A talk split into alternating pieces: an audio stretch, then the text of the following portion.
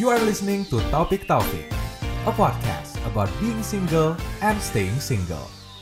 Balik lagi di Topik Taufik di season kedua ini yang berbeda dari Topik Taufik yang mungkin dulu-dulu sempat lo dengerin. Kita lebih spesifik di season kedua ini akan membahas everything about being single and staying single karena gue sudah memilih untuk akan seterusnya single gue udah memilih untuk tidak akan menikah nantinya nggak kayak produser saya ini yang Gue sudah juga menikah single, dan Pak, kalau di luar. Ntar si ibu denger nih Iya, iya, itu dia. denger kan Dengar. ntar gue share nih episode ini Ya, nih lo bilangnya single Single kalau di luar beneran, gue di luar single. tuh gitu tuh kalau yang nikah tuh nikahnya di rumah doang di luar bilangnya single Eh, mendingan gue kan langsung aja ngaku emang beneran single gitu loh Ini gue single. Eh, menikah dengan dua orang anak. menikah dengan dua orang Iya. anak. Yang menikah dengan dua orang anak happy, single juga harus happy gitu Ah. kan. Itu kan pilihan hidup masing-masing, semua punya jalannya, pokoknya tujuannya gimana caranya masing-masing bahagia, itu aja yang penting gitu. Betul. Kalau gue ngeliat di sekeliling gue gitu, ya setiap orang punya pilihan masing-masing sih om ya. Kayak misalnya gue memilih single, lo menikah dan punya anak, ada juga yang belum menikah gitu kan, atau ada juga yang sudah menikah sekarang lagi hamil dan lagi pusing karena nggak sanggup membiayai persalinannya nanti gimana. Ini kisah nyata nih. Wow. Kembali ke gue waktu akhirnya memutuskan untuk nikah, gue juga Hmm. disuruh sama orang tua gue. Oh lo disuruh? Disuruh. Ah, Oke, jadi pernikahan lo bukan dasar keinginan lo sendiri. Awalnya iya. Hmm. Terus akhirnya begitu nikah ya udahlah ya, jalanin aja lah ya. Hmm. Tapi ada, ada, ada cinta nggak waktu itu? Ya ada dong, Pak. Oh, ini nih episode ini nih jangan dikasih dong. ini bahaya ini. Ya, tapi kan gue nanya ada cinta apa enggak? ada, ada, ada. Enggak emang beneran, beneran. Lo kan Jadi, bilang disuruh orang tua makanya bisa Oh, jadi iya kan lo kan. dijodohin gitu. gue diminta sama orang tua gue, lebih Mm-mm. tepatnya ibu, untuk mencari seseorang dan nikah di sana. Gitu. Hmm. Alasannya biar ada yang ngurusin gue. hmm. Itu doang kata dia. Oke. Ya, prinsip- Kalau yang ngurusin gue udah mima tuh ngurusin gue tiap hari. Iya, dulu gue nggak ada. Terus gue nggak ada pilihan selain karena lingkungan gue juga gitu pak. Hmm. Keluarga gue harus nikah, Mm-mm. tetangga gue gitu. Ya Hmm. udah dan gue tuh orangnya nggak bisa komitmen dalam arti kalau udah komitmen satu hal ya udah gue jalanin dia habis-habisan Mhm, gitu mhm. sampai akhirnya akhirnya diminta menikah dan gue menikah ya udah Mhm, mhm. ya gue jalanin aja kehidupan pernikahan ini Yes. gitu Tapi lo ngejalaninnya ikhlas kan? Jatuhnya ibadah nih gimana dong Oh iya betul betul. Ya, harus ikhlas ya kalau ibadah ya. Karena kan tujuannya adalah mendapatkan pahala Amin. gitu. Dan yang penting kalau menurut gue dari sebuah pernikahan adalah paling enggak lo mampu gitu loh om untuk memberikan kehidupan yang cukup untuk istri lo, untuk anak-anak lo gitu. Jangan sampai yang tadi gue mau ceritain nih adalah temennya Mima. Kemarin dia sempat bantu-bantu gue juga kan gue sempat jualan makanan tuh Ya. tahun lalu kan. Hmm. Gue sempat jualan makanan. Nah Mima tuh kan sendirian. Akhirnya kita cari orang di sekitar rumah siapa nih kira-kira yang butuh kerjaan kita ajak gitu akhirnya dia bantuin si Mima ini untuk masak untuk preparation packaging dan lain-lain dan kemarin pada saat gue mau pindah ke rumah yang baru ini dia tuh sempat ngubungin si Mima lagi gitu dia nanya kayak mbak aku boleh pinjem uang nggak? Gitu. Aku boleh pinjem uang berapa? kata Mima kan. Hmm. aku boleh pinjem uang 2 juta nggak? Loh buat apa? katanya. Aku bener-bener nggak ada uang sama sekali. Terus suamiku juga lagi nggak ada uang sama sekali karena suaminya tuh kan ojek online. Nah itu juga Ya. lagi sepi katanya. Suamiku juga lagi nggak ada uang sama sekali jadi aku butuh uang gitu. Ya akhirnya kita bantu lah. Akhirnya kita bantu dia. Tapi yang yang jadi apa ya yang jadi pemikiran gua adalah yang jadi concern gua adalah namanya Dewi ya si Dewi ini tuh lagi hamil om lagi hamil gede lagi hamil tua gitu ya mungkin sekitar tujuh bulan atau 8 bulan lah kehamilannya nanti kalau lahiran gimana Iya lahir sih, ada waktunya. Kalau dari sisi dokter kan lahir ya pasti lahir. ngerti lahir ya pasti lahir bayar rumah sakitnya gimana Nah itu baru PR minimal bayar bidannya deh Iya. minimal bayar bidannya gimana. Itu anak ntar susunya gimana setiap hari Pampersnya gimana? pampersnya gimana Makan buburnya gimana? exactly makan Kenapa gue buburnya jadi gimana? tahu ya?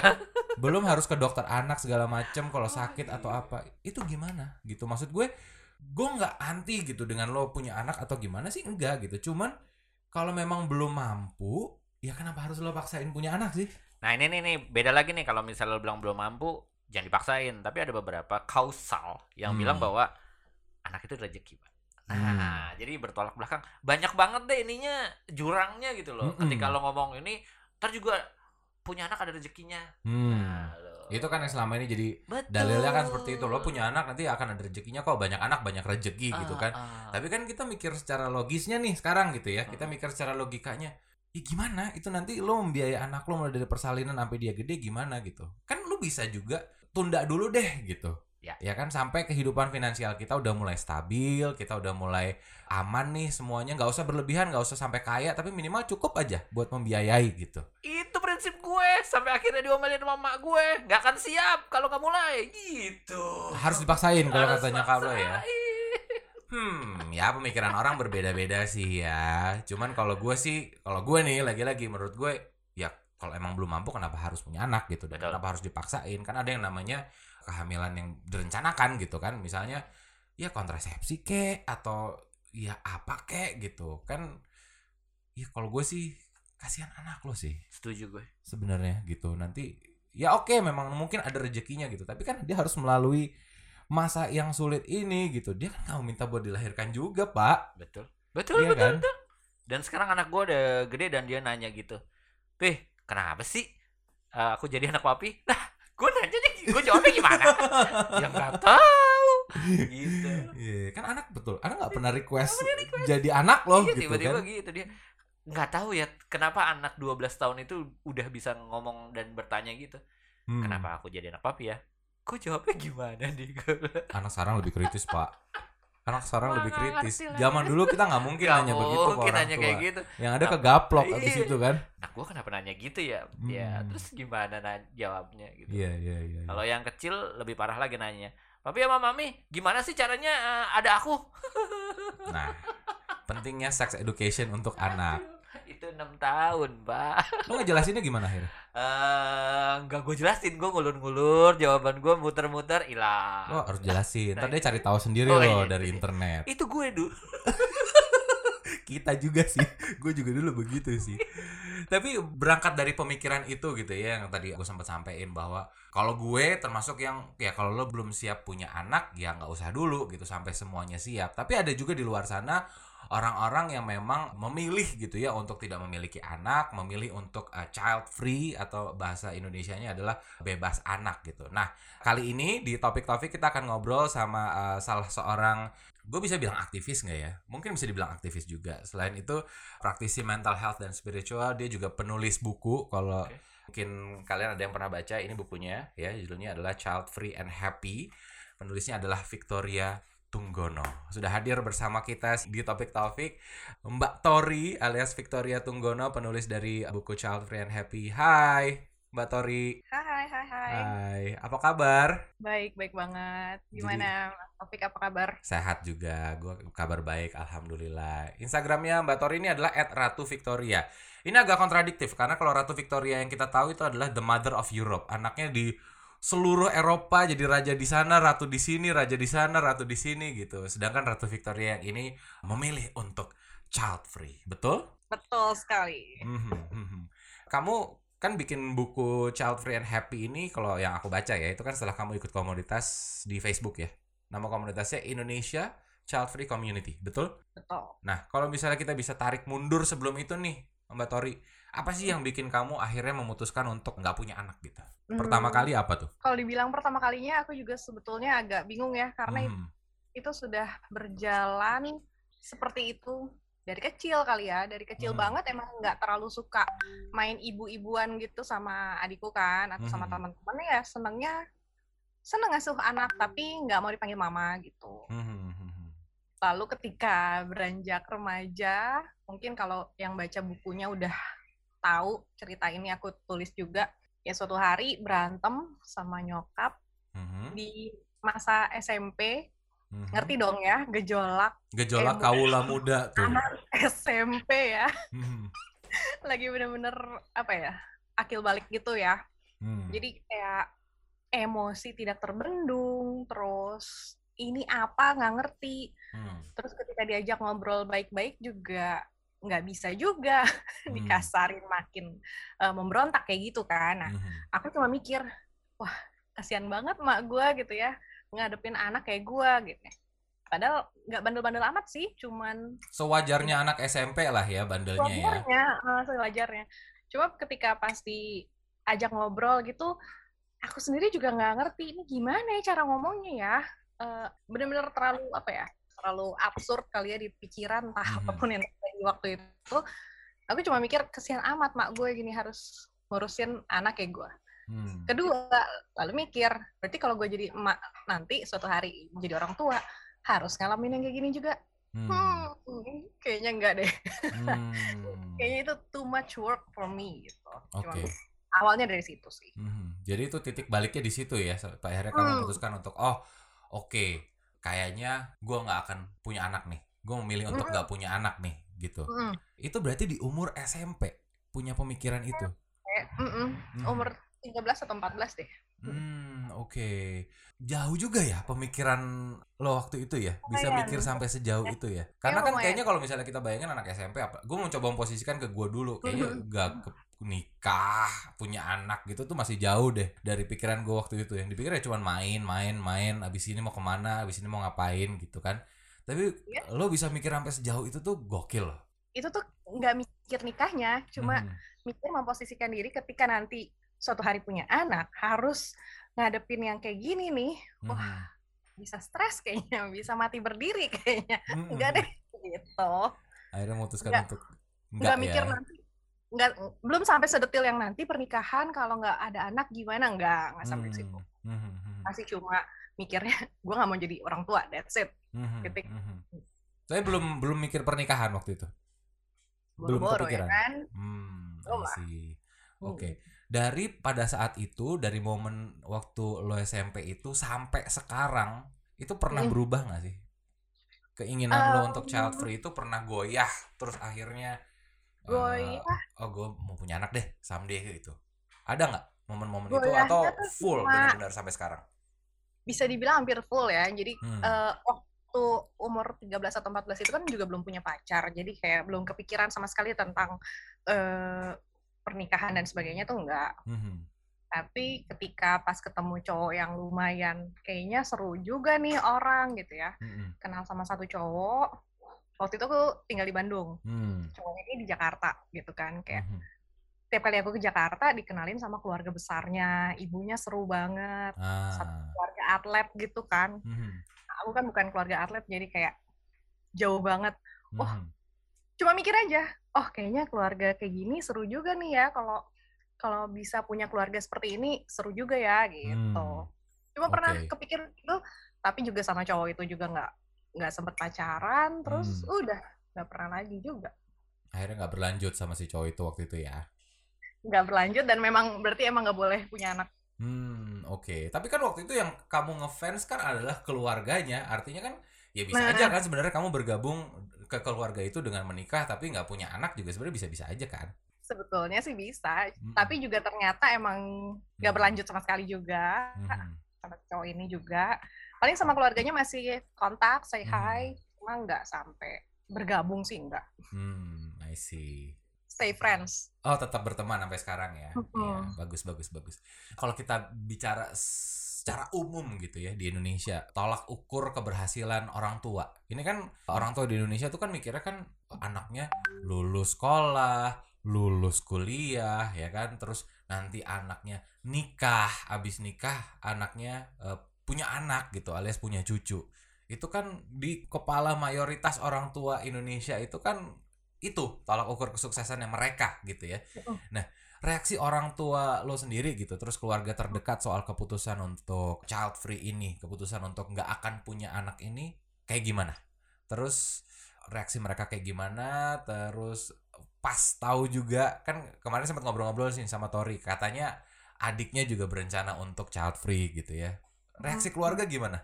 waktu pertama kali ide bahwa aku tidak mau punya anak itu muncul Hmm. Aku kan mikir itu kan dari SMP tapi baru come out itu Mhm. baru ya umur 20-an lah Hmm. 28 atau 20 something atau hampir 30 kali baru ngomong gitu. Hmm. Ke siapa pertama kali ngomong waktu itu? Kebetulan aku deket banget sama nyokap, Hmm. jadi aku nyokap. Oke, tiap kali nanti ya, kamu kalau punya anak gini. Enggak, aku nggak mau punya anak kayak gitu. Hmm. Awal-awal cuma selentingan-selentingan sampai adalah kalau mau detail baca bukunya itu ada cerita detail banget tapi aku males ceritanya itu Gue yang lain aja tahu, gitu. cuman biar audiens yang belum tahu. intinya adalah hampir semua orang ketika aku bilang aku nggak mau punya anak Hmm. mereka semua berpikir bahwa itu hanya sementara hanya sebuah fase yang akan berubah gitu Hmm. aku sendiri juga awalnya mikir ya ini sebuah fase atau bukan tapi kenapa ini begitu kuat sampai tidak tergoyah hampir tidak tergoyahkan ya bisa dibilang 99% tidak tergoyahkan Hmm. dan aku yakin banget karena tiap kali ngelihat teman punya anak nggak ada kepengen Hmm. kayak ada orang yang lahirin aku malah kesian gitu bukan jadi happy tapi kayak aduh kesian amat ya seperti tadi diobrolin di awal Hmm. uang aja pas-pasan gimana lu mau ngebiayain anak gitu kan hidup lu akan tercurah cuma untuk anak. Lu kerja cuma untuk biayain anak gitu kan. Hmm. sementara diri lu sendiri apa? Hmm. are you living? Do you live? Gitu kan. Kamu hidup tuh cuma untuk sebuah sistem atau kamu benar-benar hidup yang alive gitu. Ya. itu aku mempertanyakan itu. Dan tiap kali ngelihat ada bayi aku nggak aku suka bayi gimana ya?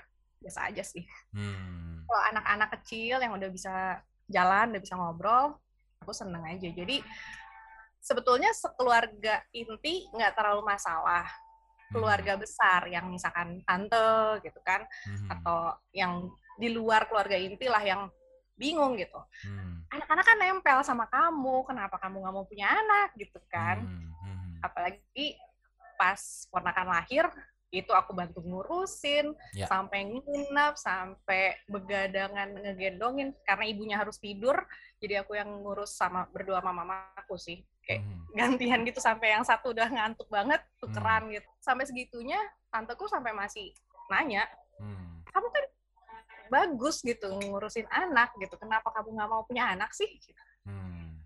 aku cuma mikir eh kenapa harus punya anak sendiri kalau bisa ngurusin anak orang lain gitu Hmm. Aku juga nggak paham nggak paham kenapa dia nanya dia nggak paham cara berpikir aku jadi kayak Hmm. buat apa ngobrol ya Iya, iya, nggak iya, bisa iya, saling iya. paham juga gitu Hmm. Hmm. Ya cuma akhirnya adikku juga tadinya kan apa sih gitu kan karena mungkin dia cancer dia Hmm. family man Hmm. apa sih kamu ngomongin nggak mau punya anak enggak lah gitu kan itu idealnya adalah gini Ini adikmu yang akhirnya memutuskan untuk nggak mau punya anak juga. nah iya Awalnya dia adikku menolak nih berarti ya. iya Oh, jadi adikku oke. ada dua aku anak pertama anak pertama cucu pertama Hmm. adikku yang terkandung dua yang satu laki satu perempuan Hmm. yang terakhir yang perempuan itu yang udah nikah udah punya anak Hmm. yang tengah belum nikah Oke. dia dia punya pemikiran idealis lah ya Hmm. sebagainya cuma pas dipikir-pikir katanya dipikir-pikir mahal ya tanggung jawabnya gede ya kayaknya, kayaknya punya anak eh, mikirnya ulang ya harus dipikir ulang bener-bener Hmm. kayaknya enggak deh aku lebih bahagia sendiri daripada aku harus direcokin sama urusan rumah tangga urusan apalagi anak gitu kan Hmm. anak yang kita harus provide semua kebutuhannya. Kalau kita nggak provide dari lima tahun pertama, itu anak kalau mau tumbuh jadi apa ya penuh dengan trauma dan luka batin, Hmm.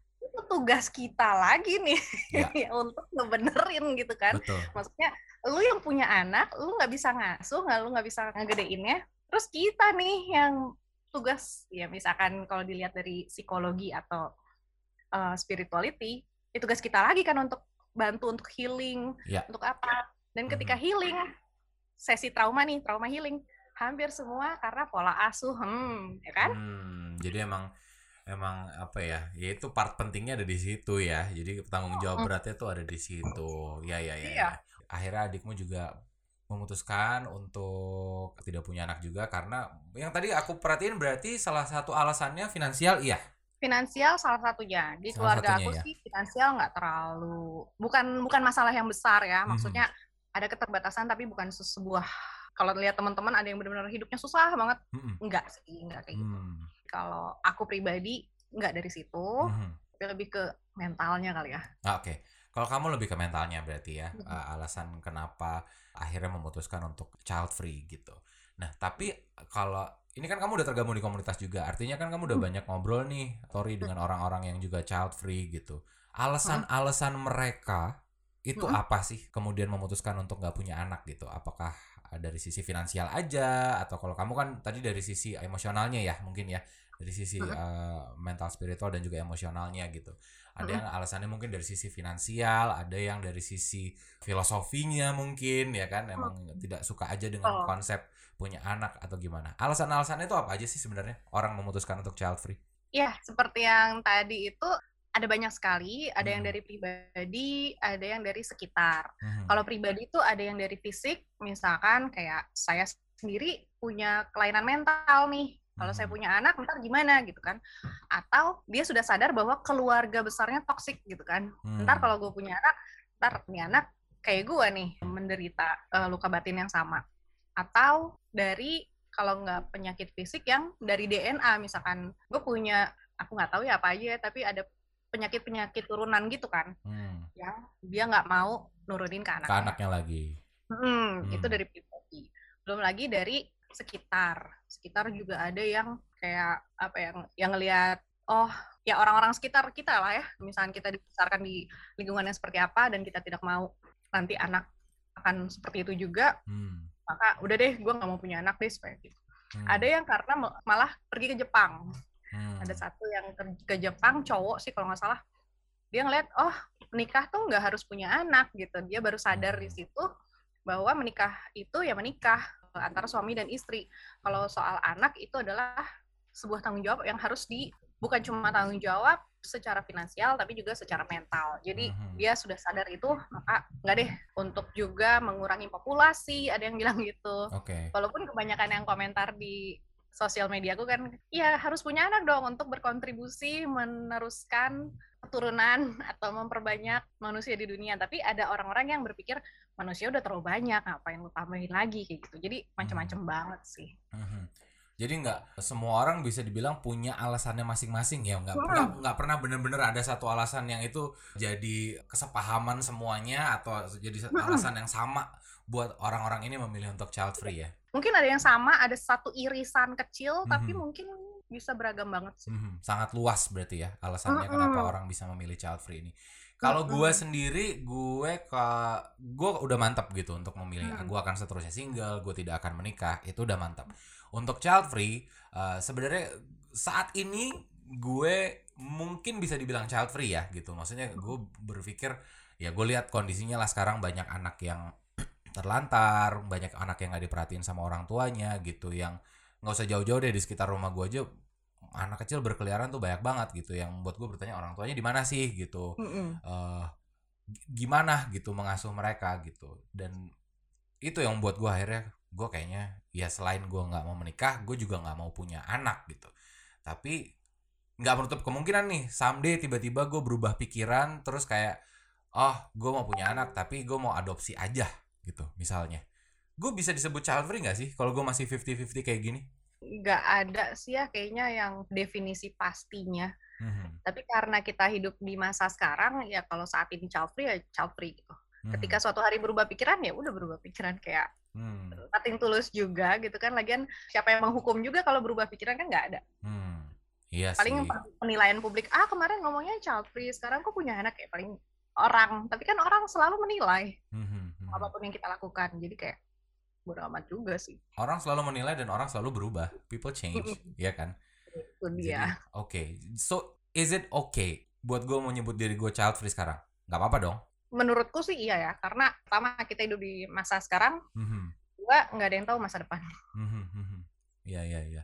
Gue sebenarnya suka anak kecil sih, suka gitu. Kayak kalau lihat anak kecil, gue gue pingin ya. Cuman ya itu, gue kalaupun gue punya anak, nantinya gue akan adopsi. Nggak akan nggak akan apa namanya punya anak dari gue sendiri gitu ya. Tapi kalau kita lihat emang hukumnya di Indonesia nggak mungkin kayaknya adopsi karena kan harus pasangan menikah kan. Bisa loh, Bisa ya? aku punya sahabat, Aha. dia udah desperate banget sama perempuan. Aha, Dia laki-laki, dia laki-laki. Cuman dia bilang gini, gue pengen punya anak. Gue Hmm. udah di usia yang bisa menghidupi sebuah keluarga. Hmm. Gue pengen banget punya anak, gue pengen banget nyokap gue dapet cucu dari gue, katanya Hmm. gitu kan. Kakaknya padahal udah, udah nikah, udah punya anak. Adiknya baru nikah dan akan punya anak juga. Hmm. Tapi gue pengen banget ngasuh, katanya gitu. Hmm. Karena dia family man kan, cancer Hmm. balik lagi. Jiwa Tapi dia Dia- meronta-ronta tuh ya. bener-bener aku harus aku pengen pulang untuk dipeluk sama anak gitu kan Hmm. rasanya gitu Aha. Nah, tapi dia bilang tapi gue udah nggak udah putus asa sama perempuan kayaknya nggak ada yang sesuai dengan apa yang gue mau katanya gitu kan Mhm. terus akhirnya dia riset ternyata bisa loh terus aku bilang Hmm. single father emang bisa untuk maksudnya single mother masih lebih masuk akal gitu ya Ya. single father emang masih eh, bisa dia bilang bisa loh di Indonesia Oh gitu ya? Oh. katanya bisa dia yang dia yang riset ya dia yang Aha. riset Gue baru tahu karena gue udah mencoba riset juga soal itu kan, maksudnya untuk adopsi gimana? Itu di mana-mana selalu menyebutkan pasangan menikah salah satu Hmm. syaratnya gitu. Jadi Iya eh, nggak bisa diadopsi oleh orang yang single tapi harus orang yang menikah. Nah, oh boleh tuh ntar ngobrol-ngobrol gimana caranya tuh kalau misalnya emang bisa. nanti ya lebih nanti ke orang tanya. tua asuh kali ya. Maksudnya kalau orang tua asuh kan Adopsi, ya. kalau eh, orang tua aku kan tidak satu rumah Iya, apakah mungkin oh iya sih nggak satu rumah ya. Mm, mm, mm, mm. Sebenarnya aku juga kepikiran untuk adopsi. Dulu waktu SMP ah gua adopsi aja. Buat apa anak-anak terlantar di luar sana bla bla bla bla gitu kan. Terus pas ngeliat adikku punya anak ribet juga ya adopsi. Prosesnya gitu-gitu ya. Eh bukan prosesnya lebih ke ya ngurusin anak setiap hari gitu kan. Mhm, mhm. kayak dititipin ponakan tiga hari aja kayaknya udah nggak sih. Kalau sehari aja aku pribadi nggak bisa Ah, I see. anaknya juga yang aktif banget gitu Hmm, hmm, hmm. Pusing ada sendiri ya. lagi tidur aja dipanggil anti anti towe ya maksimal dua hari lah ya. maksimal Tapi kayaknya kalau untuk seumur hidup, aduh pusing Hmm. gitu. kecuali kalau adopsi anak yang udah lumayan gede ya udah Mhm, bisa diajak ngobrol Ya. itu masih lebih masuk akal buat aku tapi problematiknya ini jadi ngomongin parenting nih problematiknya adalah li- anak itu lima tahun pertama kan Mhm. dia belajar semua hal Ya. ketika lima per- tahun pertama ini dia penuh dengan luka batin dan sedih atau disiksa sama orang tua aslinya misalkan Mhm. lalu kita adopsi di umur 7 atau 8 Itu udah terbentuk ya fondasinya. problematik banget nonton aja film-film yang di luar sana tuh banyak kan Mhm, mhm. Kingston Family Hmm. itu luar biasa gimana kita orang luar yang berusaha mencintai seorang anak yang sudah dengan masa lalu yang penuh apa ya entah apa pun itu gitu kan Mhm, itu mhm. sebuah tantangan tersendiri gitu. Iya, iya. Challenge-nya beda lagi tuh ya. Mhm. untuk uh, mendidik anak tapi bukan kita yang meletakkan fondasinya tapi kita harus benerin nih fondasinya gitu Ya. kan yang Iya, yang nggak benar di awal gitu. Itu lebih ya ada ada tantangannya tersendiri. Skill skillnya harus lebih ekstra tuh kayaknya ya. Ya betul. Secara mental kita udah harus kelar dulu nih sama semua Mhm. problem kita. I see. Benar benar benar nah kalau kita ngomongin soal pemikiran child free juga ya Tori ya. Ini kan bisa dibilang satu pemikiran yang apa ya Bu, ini tuh bukan cuma sekedar soal oke gue nggak mau punya anak oke gue memilih nggak punya anak. Tapi ini tuh mendobrak tradisi mendobrak apa ya budaya patriarki di Indonesia yang masih kencang banget gitu. Apalagi Indonesia bisa dibilang negara yang konservatif gitu. Serangan-serangan yang pernah lo terima apa aja? Setelah lo uh, come out setelah lo terbitin buku ini juga Child Free and Happy setelah lo openly talk Iya. about it gitu serangan apa yang lo dapet Untungnya di keluarga gue nggak terlalu tradisional, hmm. tidak memegang sebuah tradisi banget gitu, nggak dari salah satu suku yang kuat di Indonesia. Jadi apalagi campuran banget kan nih, muka ini tuh udah hasil dari as- asimilasi budaya dan sebagainya. Jadi nggak ada apa ya, bisa dibilang hampir nggak ada serangan sih Mhm.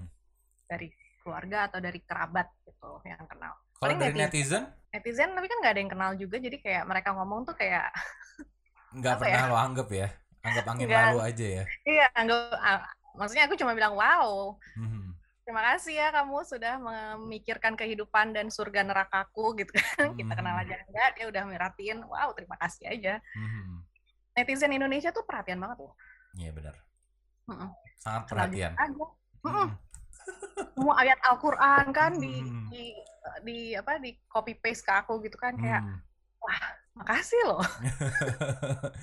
ya gimana ya maksudnya oke kalau misalnya udah mulai pakai-pakai ayat kayak gitu iya itu masalah kebenaran yang diyakini masing-masing kan sebenarnya gitu maksudnya ya gimana saling menghargai satu sama lain aja sih kalau gue ngelihatnya apa eh, sekarang ini kan kebenaran itu udah bukan sesuatu yang ya semua orang punya kebenarannya masing-masing gitu tergantung lo source-nya dari mana ya kan ada yang kebenarannya dari Al-Quran ada yang kebenarannya dari kitab suci yang lain gitu ada yang kebenarannya juga dari pola pikirnya dia sendiri gitu ya nggak masalah sih ya kan Lagian kalau misalkan mengutip satu ayat dari satu buku yang tebal itu, menurut aku nggak masuk akal. hmm. Karena cuma satu ayat yang dikutip gitu. Mhm. Kalau mau kita bahas satu buku. Mhm, mhm, mhm. Atau kalau satu buku kalau mau ngomongin Al-Quran, berarti balik lagi, tarik ke belakang lagi. Hmm. Ke semua kitab-kitab yang ada sebelumnya juga. Mhm, mhm. Karena kalau mau cuma ngomongin satu ayat, itu kan Iya. kayak, apa ya, ngambil quote apa untuk hal yang mana nggak comparable gitu. Mhm, Sementara ini ngomongin keputusan hidup seseorang Yes. yang merupakan satu buku besar juga, satu buku yang tebal juga gitu. Mhm, Dikasih mhm, cuma satu kutipan ayat, mhm. kayak hmm, Benar, bingung kan? benar. Ini kan bukan bukan KUHP, bukan kita ngomongin hukum setiap hukum apa pidana perdata ada satu ayat yang spesifik untuk satu Mhm. kasus. Itu kan satu Mhm. kasus. Betul. Ini kan kita ngomongin satu satu kehidupan di mana aku udah umur 37 tahun, ada berapa menit dalam hidupku dalam entah berapa juta, berapa miliar menit, bukan Mhm. cuma hari ya. Mhm, Aku mhm, kehidupannya banyak loh. mhm. Kalau mau dibikin jadi satu buku, lebih besar daripada lebih tebal daripada Al-Qur'an atau Alkitab gitu kan. Mhm, mhm, Kasih cuma satu ayat kan kayak Iya. eh, nggak comparable gitu. Betul, betul. Apalagi dari satu ayat pun itu kan sebenarnya tafsirnya bisa banyak gitu, konteksnya Betul, bisa tafsirnya banyak, ya kan? Dan Iya. melihat satu ayat juga kita harus ngelihat konteks ayatnya itu dulu uh, diturunkannya pada saatnya seperti apa gitu kan. Makanya ada Iya. ayat-ayat yang nadanya keras, ada ayat-ayat yang lebih lembut gitu. Karena itu kan berkaitan dengan konteks waktunya ketika diturunkan juga gitu. Bahkan aku juga baca di bukumu gitu ya, ada yang pernah kasih kutipan ayat Alkitab juga ke kamu soal punya anak gitu kan tapi ya sebenarnya kan ya kalau dari sisi uh, agama Kristen sendiri kamu melihat Yesus sendiri pun child free ya kan Yesus child free, belum lagi Buddha Gautama sih memang punya anak, Siddhartha Mhm. Gautama. Tapi anaknya pun menjadi Buddha, menjadi bud, eh, menjadi biksu, eh, apa bi- biku ya, jadi biku. Hmm. Anaknya sendiri pun tidak punya anak gitu. Mhm, mhm. Dan satu desa itu habis karena semua orang berubah menjadi biku gitu. Hmm. Kalau mau ngomongin situ. Iya, iya. Oke lah, itu kalau Kristen ya. Kalau yang Hmm. bukan Kristen, misalkan ngomongin ini, ngomongin bukan di agama ya, Mhm, ranah ratu, raja, mhm. ada kok yang nggak punya anak. Iya berarti kalau kita ngelihat child free ini nggak cuman ya, dari sisi agama pun juga ada gitu ya ya uh, yang child free gitu. Tapi dari sisi sejarah juga udah banyak gitu buktinya orang-orang yang memang memilih child free juga. And it's okay nggak masalah gitu kan. Nggak apa-apa juga misalnya memilih untuk child free gitu. Terus dari sisi apa lagi ya yang biasanya orang tuh selalu mengait-ngaitkan atau menyerang kamu kalau dari soal child free gitu Biasanya sih paling banyak agama ya. paling banyak agama ya Walaupun agama aku dengan agama mereka yang komentar juga berbeda, tapi Mhm. mereka dengan itu aja udah aneh loh menurut gue jelas-jelas agama udah beda terus lo maksain ayat lo gitu kayak ya gimana eh, netizen Indonesia terlalu perhatian, saking Mhm. perhatiannya tuh nggak realistis. Hmm, bener-bener ya Apa ya? Jadi eh, apa tuh namanya? Romantismenya tuh tinggi sekali. gitu. hmm. gue udah menemukan cara tapi sekarang Tor buat menjawab Apa tuh? netizen-netizen yang yang seperti itu gitu misalnya gue ngomongin soal uh, keputusan gue single keputusan gue nggak menikah terus mereka menyerang gue gitu ya dengan membawa agama gue cukup menjawab simple my content is not for you udah itu aja Iya. sesimpel Oh. itu konten gue bukan buat lo ya udah just leave gitu Iya. itu lebih jawaban yang menurut gue lebih simpel lebih daripada kita jawab dengan emosi debat ya kan yang ini ngeluarin ayatnya yang ini ngeluarin ayatnya gitu Iya nggak kan, kelar kelar kayak, kan yang ada Enggak. berantem lebih baik kayak gitu ya udah berarti emang konten gue bukan buat lo ya udah just leave just go.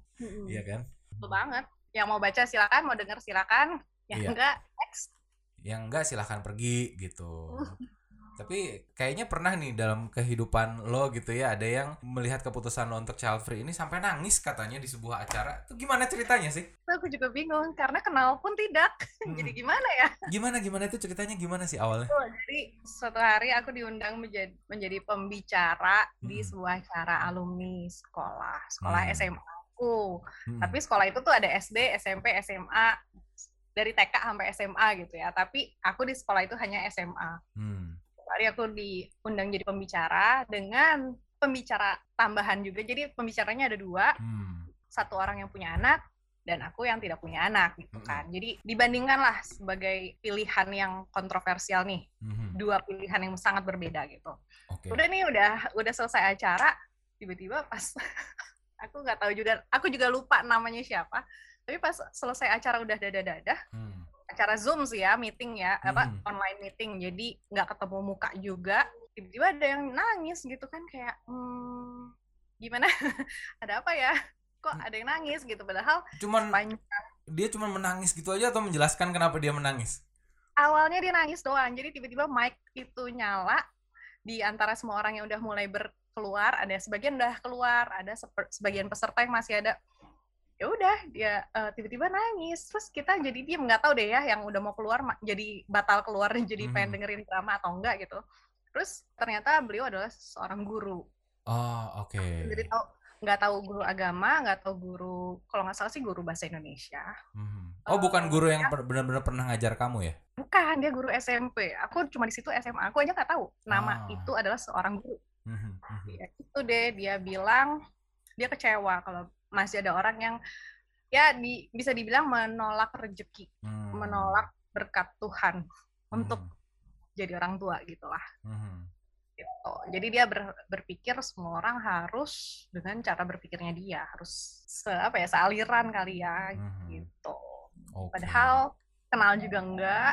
Akhirnya kasihannya adalah panitia dimarahin. Oh, panitia dimarahin semua nih sama dia nih. Iya Oh, katanya oke. ngapain bikin acara sedih kayak gini, menyedihkan. Ah, oh my god. Aduh. Terus reaksi lo waktu itu gimana? Aku nggak dikasih kesempatan ngomong sama sekali, jadi Mm-mm. aku cuma bengong aja tiap kali aku mau ngomong dia eh, apa ya? Dia nggak kasih, dia yang punya panggung gitu. Hmm. dia nggak ngasih panggung sama sekali untuk orang lain, cuma marah-marah doang. Dan aku cuma dalam hati, hmm, emak yang kayak gini nih yang bikin anaknya pengen child free. Dan lo melihat itu juga makin makin bulat dan mantep dong dengan keputusan lo untuk child free ya. Ya, sebenarnya bukan makin bulat karena emang udah bulat dari dulu gitu kan, udah nggak nggak ngefek juga. Cuma lo kan jadi ngeliat contoh, nah ini nih yang begini Nah, begini nih yang bikin males gitu kan. Bukan buat gue tapi buat para peserta yang lain pastinya. Karena sebelumnya ad- ada kakak kelas kalau nggak salah, ada juga yang komen, ya nih saya juga berpikir, saya juga sempat masuk eh, sampai ke psikolog atau psikiater karena saya cara berpikir saya aneh gini gini gini, saya udah mau bunuh diri, ternyata salahnya ada di orang tua saya. Hmm. Jadi ada kakak kelas yang bilang gitu, saya sendiri dibesarkan oleh orang tua yang toksik gitu kan. Mhm. Berapa menit kemudian ada yang ngasih contoh nyata. Buat aku sih, hmm, dikasih kan contohnya Mhm. orang kayak lu nih yang bikin orang-orang tuh nggak pengen punya anak Mhm. atau jadi orang tua toksik lagi buat generasi berikutnya gitu kan karena memaksakan pendapat.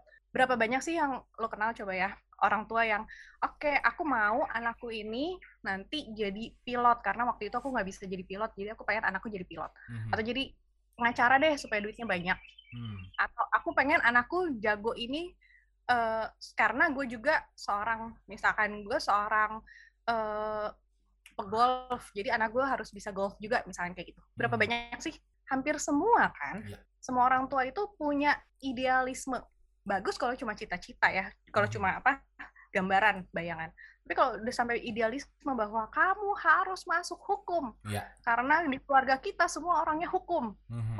Benar. itu kan kayak anaknya gimana nggak mental illness ya kan Heeh, heeh. Kalau kata anak sekarang mental breakdance ya. makanya langsung bukan cuma mental breakdance udah jadi apa ya udah jadi sehari-hari udah sampai masuk ke illness kan Iya. kalau breakdance doang maksudnya kalau breakdown doang kan cuma sekali itu Mhm. gimana kalau udah terus dan tidak tertangani kan tugas kita lagi yang ngebenerin ya nggak Mhm. Benar, benar. Ya tapi it happened to me as well sih. Sebagai anak dulu juga orang tua gue yang memaksakan lo karena keluarga gue kebetulan bisnis keluarga kan apotek. Jadi gue tuh sama adik-adik gue dari kecil udah di brainwash pokoknya ntar lulus SMA masuk farmasi ntar akan jadi apoteker gitu. Itu udah da- udah ditanemin tuh dari kecil gitu. Harus jadi apoteker, harus masuk farmasi dan lain-lain. Cuman alhamdulillah pada prakteknya sih akhirnya karena gue bisa membuktikan gitu ya dengan pilihan gue akhirnya ngalah akhirnya bokap gue ngalah. Adik gue pun juga membuktikan dia nggak mau masuk farmasi tapi dia membuktikan kuliahnya bagus kerjanya bagus akhirnya ngalah juga gitu. Jadi at some point akhirnya orang tua bisa lulus juga sih gitu. Bisa bisa mengalah juga. Tapi ya nggak semua orang tua ya. Iya, kayaknya itu ada kamu adalah orang yang salah satu orang yang beruntung betul kayaknya. betul Tapi aku juga. Heeh. kita beruntung sih sebenarnya ya dari orang tua yang bisa menerima pemikiran kita gitu. I see. Oke tapi itu kejadiannya berarti alumni sekolah kamu waktu di Bandung ya Aku SMA di Bandung. Mhm. Apa ada pengaruh? Kamu juga sempat beberapa kali menyebutkan gitu kan di buku kalau ya aku tumbuh di Bandung sebagai kota yang sangat homogen, yang orang-orang tuh menikah di usia yang muda gitu. Apakah ada faktor Bandungnya juga? Kenapa itu bisa terjadi gitu? Kenapa sampai akhirnya? Rasa gitu ya. Mhm. Karena kalau eh, maksudnya untuk insiden ini kan, mhm, mhm. Kalau aku lihat dari hasil Zoom meeting waktu itu, acara apa talk show itu banyak juga kakak-kakak kelas yang di angkatan 91 92 Mhm, yang mereka yang kaget. Hah, mhm, kirain child free itu cuma ada di luar negeri. Ternyata Hmm. di Indonesia ada ya gitu kan. mhm. Ada yang kaget gitu. Terus ada yang ya mungkin dengan wah nggak bisa nih kalau kayak gini ada juga tapi di komentar dia nggak ngomong kayak si guru itu kan ngomong dan kita semua langsung silent tapi kalau yang ini mereka cuma komentar di kolom chat gitu.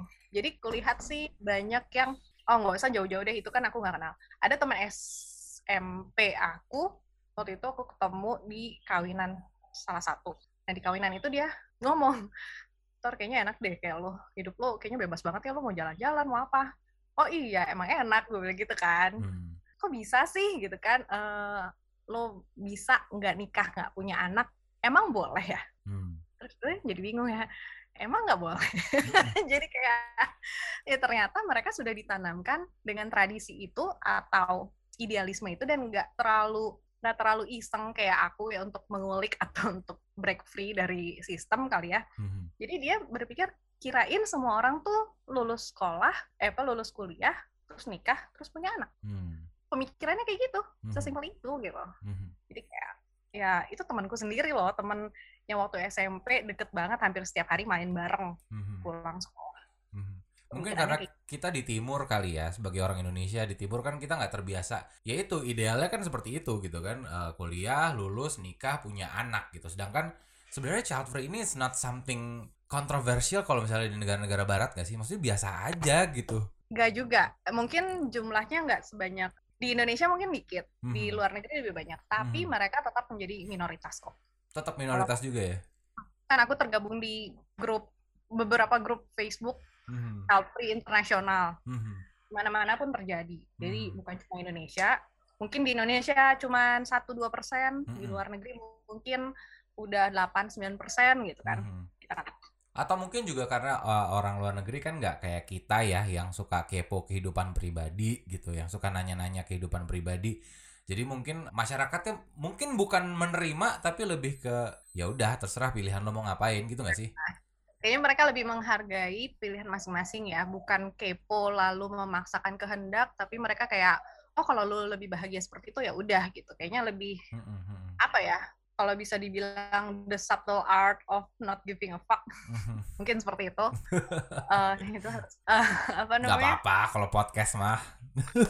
ngurus kayaknya ngurusin ngurusin diri sendiri aja gitu. Mm-mm, mm-mm. Kalau aku lihat dari sis- sisi spiritualitasnya adalah ya mereka lebih spiritual daripada kita gitu. Kalau kita kan masih terlalu ngurusin tradisi, kita masih Hmm. ngurusin orang lain.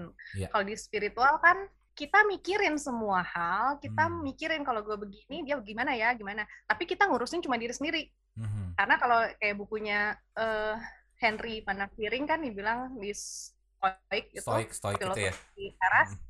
itu kan dibilangin kita nggak bisa ngontrol apa pun di luar diri kita. Mhm. Yang bisa kita kontrol adalah- hanyalah reaksi kita, pikir reaksi berarti kan cara berpikir kita. Ya. Jadi cara berpikir, reaksi, tindakan, perkataan, perbuatan kita. That's it. Mhm. Di luar itu bukan urusan kita gitu. Mhm. Mhm. Nah, yang berarti kan orang-orang Indonesia yang masih berpikir bisa ngurusin orang lain itu kan berarti masih halu banget gitu kan. Mm, banyak yang ber- malah seperti itu kan yang kayak ya lebih pingin ngurusin something yang di luar dirinya gitu dibanding something yang di dalam dirinya itu ya Nah, kalau kita udah belajar spiritualitas nih, kalau Mm-mm. kita ngelihat yang kayak gitu, wah kelihatan banget berarti nih orang nggak ke dalam diri. Hmm. Spiritualitasnya sangat bisa dibilang rendah atau tidak tidak paham sama sekali karena dia Mhm, lebih seneng ngurusin yang di luar daripada Hmm. ngurusin yang di dalam. mhm. Jadi gajah di pelupuk mata nggak kelihatan ngurusinnya, semut yang di, di seberang lautan Dari peribahasa masa kecil kita aja udah dikasih tahu kayak gitu, tapi prakteknya masih lebih enak ngurusin kenapa lo gak nikah nikah, lu Hmm. kan cantik, lu kan ganteng, yang mau pasti banyak gitu Mm-mm, kan. mm-mm, Kalau mm. lu punya anak pasti lucu. Oke, jawabnya gimana? Gue pengen tahu kalau dari seorang Tori dapat statement-statement kayak gitu, lo akan jawab kayak gimana? Gue bilang iya banyak yang mau, terus guanya mau atau enggak itu kan satu. Hmm, Atau yang mau banyak, tapi yang compatibility-nya ada, yang cocok, gue cuma kalau lu bisa kasih kasih satu orang hmm, yang cocok banget sama gue, mungkin gue pertimbangkan. hmm, kan Soalnya gak ada juga gitu. hmm, hmm, Jadi hmm. nggak usah ngomong yang nggak ada satu. Ya. Kedua, lu punya anak pasti lucu. Ya lucu terus kenapa? Yang di luar sana juga bikin anak juga lucu. Terus kenapa? Hmm, Nggak harus punya juga.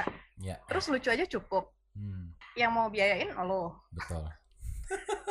Yang mau urusin setiap hari Uh, nangisnya Tapi lo udah chill ya jawabnya ya, udah nggak emosi ya? dari awal nggak emosi. Hmm, Gue bukan orang yang cepet emosi sih ya. hmm, Jadi paling ini orang kenapa sih nanyanya sama terus setiap kali ketemu cuma kesel hmm. gitu aja. Cuman kesel tapi buat diri sendiri aja ke dalam gitu ya. Itu bahaya juga sih harusnya langsung apa adanya sih. gue nggak nggak nggak nggak bisa kayak lo sih yang ngontrol gue masih kadang-kadang suka kalau udah sebel tuh kayak gue jawab dengan ketus gitu gue jawab dengan eh apa ya ya emosi gitu ya mungkin gue harus banyak belajar juga gimana akhirnya bisa kalem chill terus jawabnya juga santai tapi anyway di buku ini gue mendapatkan cara menjawab juga loh ya Oh. apa statement-statement orang gitu kayak kalau misalnya lo nggak mau punya anak ah lo egois gue menemukan jawabannya di sini boleh gue bocorin nggak Boleh, silakan. jadi coba lo lo bilang eh, lo tanya gue, lo nggak mau punya anak gitu? Lo nggak mau punya anak? Enggak, gue nggak mau. Kayaknya kayaknya lo egois banget deh orangnya. Oke, gue egois ya. Lo bilang gue Hmm. egois karena gue nggak mau punya anak. Lo mau punya anak kenapa? Mau ada yang ngurusin lo di masa tua kan? Iya dong. Itu Gue egois gak? Anak-anak gua nanti mirip gua atau lebih mirip suami. Hmm, oke. Pingin mirip lo, pingin mirip suami, pingin ada yang ngurusin di hari tua. Apa itu nggak egois? So, apa bedanya? Keren gak jawaban gue? Udah udah dapet ya, udah tahu ya. Keren. Simpel ya.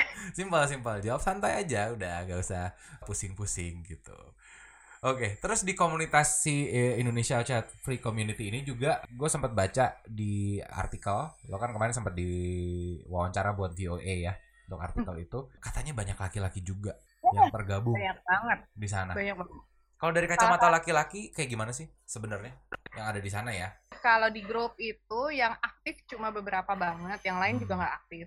Ada satu yang paling aktif ngomong di grup, itu dia masih kuliah hmm. dan dia memutuskan child free karena faktor ekonomi. Mm, mm, mm, mm. Jadi dia merasa gue aja nih untuk kuliah harus bayar sendiri. Orang Hmm. tua gue nggak bisa. Jadi gue baru bisa kuliah di usia u- 20 sekian karena dia harus cari uang sendiri. Hmm. Dan dia nggak mau mengulang itu. Nggak deh kalau gue punya uang buat diri gue sendiri, bukan untuk anak gitu. Hmm. Ada satu yang kayak gitu. Nah yang satu lagi yang jadi narasumber di buku, dia adalah psikolog. Hmm. Nah, ketika dia jadi psikolog, eh, dia melihat akar permasalahan hampir semua pasiennya adalah pola asuh dari orang tua gitu. Hmm. Jadi hampir sama dengan yang aku perhatikan. Kalau aku mungkin dari spiritualitasnya, kalau dia Hmm. dari psikologinya dan Psikologi. hampir semua psikolog ya ketemunya di situ ya. Hmm, hmm, hmm. Akarnya adalah orang tuanya begini, makanya dia punya kebiasaan seperti ini gitu. Jadi oh berarti ya sistem apa nih yang salah kalau kata si psikolog itu ya dia dosen juga Hmm, hmm. apa nih yang salah? Oh, berarti sistem orang tua ke anak itu sudah sangat bobrok kali ya di Hmm. Indonesia sampai dia pikir nggak deh tugas gue untuk ngeben bukan ngebenerin ya tugas gue untuk membimbing Hmm. eh, orang-orang yang perlu bimbingan aja banyak gimana kalau gue harus punya anak sendiri kayaknya nggak sanggup karena Hmm. kalau kita punya anak kan kita fokus sama anak kita ya di rumah Ya. Hmm. mau bantu orang gimana susah Hmm. kita cuma bisa bantu paling sekedarnya aja kasih uang kalau punya uang Hmm. tapi juga nggak bisa terlalu banyak berbagi berbuat gitu kita Hmm. sangat terbatas jadi yang cowok-cowok aku lihat sih dari situ antara dia memang melihat sistem itu bobrok Mhm. dan dia merasa punya harus punya andil untuk sharing untuk berbagi untuk istilahnya memperbaiki lah mental health orang-orang sekitarnya Hmm. ada juga yang kayak untuk environment bahwa Hmm. environment kita udah terlalu global warming itu dan sebagainya dia merasa "Ah, manusia nih yang bikin dunia ini kacau bumi ini eh, menderita karena manusia buang sampah sembarangan. Itu aja masih sulit. Ada tulisannya dilarang buang sampah sembarangan di Masih bawah juga buang sampah. Tumpukan sampah tinggi gitu kan. Mm-mm, ini gimana sih? Nggak bisa baca? Mm. atau iseng aja atau gimana? Itu cara berpikir itu aja. Oh ada tukang sapu nggak apa-apa kita buang aja di situ nah ini nggak boleh loh ada tukang sapu tenang aja ya Hmm. kayak lah gimana sih itu Mm-mm. cara berpikirnya itu kebalik gitu kan Iya. kalau bisa nggak nggak usah ada tukang sapu dong kalau lu udah bisa semuanya karena lu lu inilah makanya ada tukang sapu ya udah udah dibayar udah digaji kenapa jadi dibalikin gitu Hmm. rasanya udah setengah mati ya kalau ngomong sama orang-orang kayak gitu Hmm. jadi kayak ya ada yang kayak gitu juga tentang populasi tentang tapi populasi atau antinatalis juga ada Mhm. antinatalis tuh orang-orang yang anti kelahiran anak dia Hmm. menolak keras ide tentang kelahiran Apa karena- bedanya dengan child free, antinatalis? kalau child free tuh gue ngurus diri gue sendiri lo bebas terserah lo Hmm. kalau antinatalis tuh yang kayak eh lu nggak boleh anak itu tuh gini kayak keras jadi kayak Ah. tipu kali ya Aha, aha. kayak lebih keras mungkin ya lebih ke Oke. ekstrim Ah, iya, atau iya, iya. dia mempengaruhi orang lain juga untuk berpikir sama atau gimana Mhm. kayaknya sih Oke, jadi kalau child free itu lebih ke lo aja, diri lo Iya. sendiri gitu ya. ngurusin diri sendiri aja gitu Lo memutuskan untuk child free ya itu buat diri lo sendiri. Tetapi lo Hmm. tidak menginfluence orang lain untuk ayo child free juga gitu kan. Maksudnya Hmm, perbedaannya adalah di situ. Makanya di buku ini lo bilang buku ini di- bukan dibuat untuk mempengaruhi, bukan dibuat untuk propaganda dan lain-lain. Karena itu ya, berarti child free itu Iya. adalah untuk diri lo sendiri sebenarnya. Hmm. Tapi lo sadar nggak lo udah jadi influence? kayaknya lumayan deh karena tiba-tiba kok banyak banget yang nanya eh, yang ngajak kolaborasi kayak gini. Mhm. oh oke. Dan lebih banyak yang kayak kak makasih ya bukunya karena Mhm. saya selama ini berpikir saya sendirian. Mhm, dan mhm. ternyata tidak. Dari situ aku merasa oh berarti ya bagus juga sih aku nulis seperti ini. Padahal tadinya kan kayak buat apa sih nulis? Gitu kan. Kayak ntar kontroversi dan sebagainya. Udah Mhm. mikir kayak gitu. Tapi orang-orang seperti ini yang misalkan aku bukannya mau mempengaruhi dia supaya oke supaya man- mantapkan dirimu untuk cari bukan gitu tapi kayak lebih ke mental health-nya selama sehari-hari ya Mhm. balik lagi ke tadi untuk ngejawabin orang-orang yang julid atau yang kepo di luar sana Hmm. itu untuk dia bisa apa ya energinya tuh dipakai untuk hal yang ber- lebih berguna gitu Mhm. daripada untuk merasa minder dan merasa berbeda itu kan kayak buang energi banget kan Iya. Mhm. jadi kayak udah lo yakin aja pilihan lo tuh nggak akan salah lagi pula siapa sih yang tahu penilaian Tuhan Mhm. ya kan Betul. semua manusia kan menurut Alkitab menurut Al-Quran menurut kitab ini itu kan menurut kitab Mhm. kalau menurut Tuhan emang tahu Mhm. mau nanya ke Tuhannya gimana Mhm. nanya ke Tuhan kan cuma ada di sini Betul. Itu adalah sini- hubungan lo sendiri dengan yang di atas, ya kan? balik lagi akhirnya ke diri sendiri karena Tuhan Hmm. kita sama tapi Tuhan kita juga beda gitu Mhm. Mhm. bedanya adalah bukan agama ya Hmm. tapi Tuhannya Mas Taufik itu berbeda dengan Tuhanku kenapa karena aku ditugaskan untuk berkarya dengan tulisan misalkan dengan Hmm. hal-hal yang kulakukan Mas Taufik dengan podcast dengan hal-hal yang jadi beda kan gitu Mhm. Mhm. jadi balik lagi ke diri masing-masing aja Yes, setuju. Oke. Thank you so much Story waktunya mau ngobrol-ngobrol di topik Taufik. Really Thank you appreciate it. Semoga ada kesempatan kita bisa ngobrol lagi karena eh, jujur nggak cukup waktunya. Kita harus ngobrol bisa lebih panjang lagi dan ya keep in touch. Eh, oke anytime Semoga gue diperbolehkan ikut komunitas. Eh gimana sih cara ikutan itu? Indonesia Child Oh, Free? jadi kalau mau ikut itu pertama kan ada di Facebook jadi harus punya Facebook Mhm. banyak orang yang udah nggak punya Facebook ya kan Mhm. harus di invite jadi harus temenan dulu sama aku Mhm. mau nggak mau atau sama salah satu orang yang udah ada di grup Mhm. minta di invite Oke. karena kalau enggak kalaupun aku nggak kenal terus soalnya adminnya kan agak-agak selektif ya Mhm. Mhm. bukan agak sangat selektif selektif banget. Iya, jadi kalau misalkan aku nggak kenal, aku Mhm. akan ditanya, Mbak kenal nggak sama ini? Hmm. Enggak sih, nggak kenal. Oh, nggak bisa gitu. Oke. Jadi kayak gitu. Jadi, Mm, Kasarannya harus ada orang dalam ya kalau mau Iya, masuk ya. betul, betul. Very very close. group. Hmm. Demi keamanan bersama soalnya karena ini agak Oh. agak-agak sensitif nih isunya kalau di Indonesia nih. Kok terlalu eksklusif sih? Bukan eksklusif, tapi Mhm. ini safe space. Ya.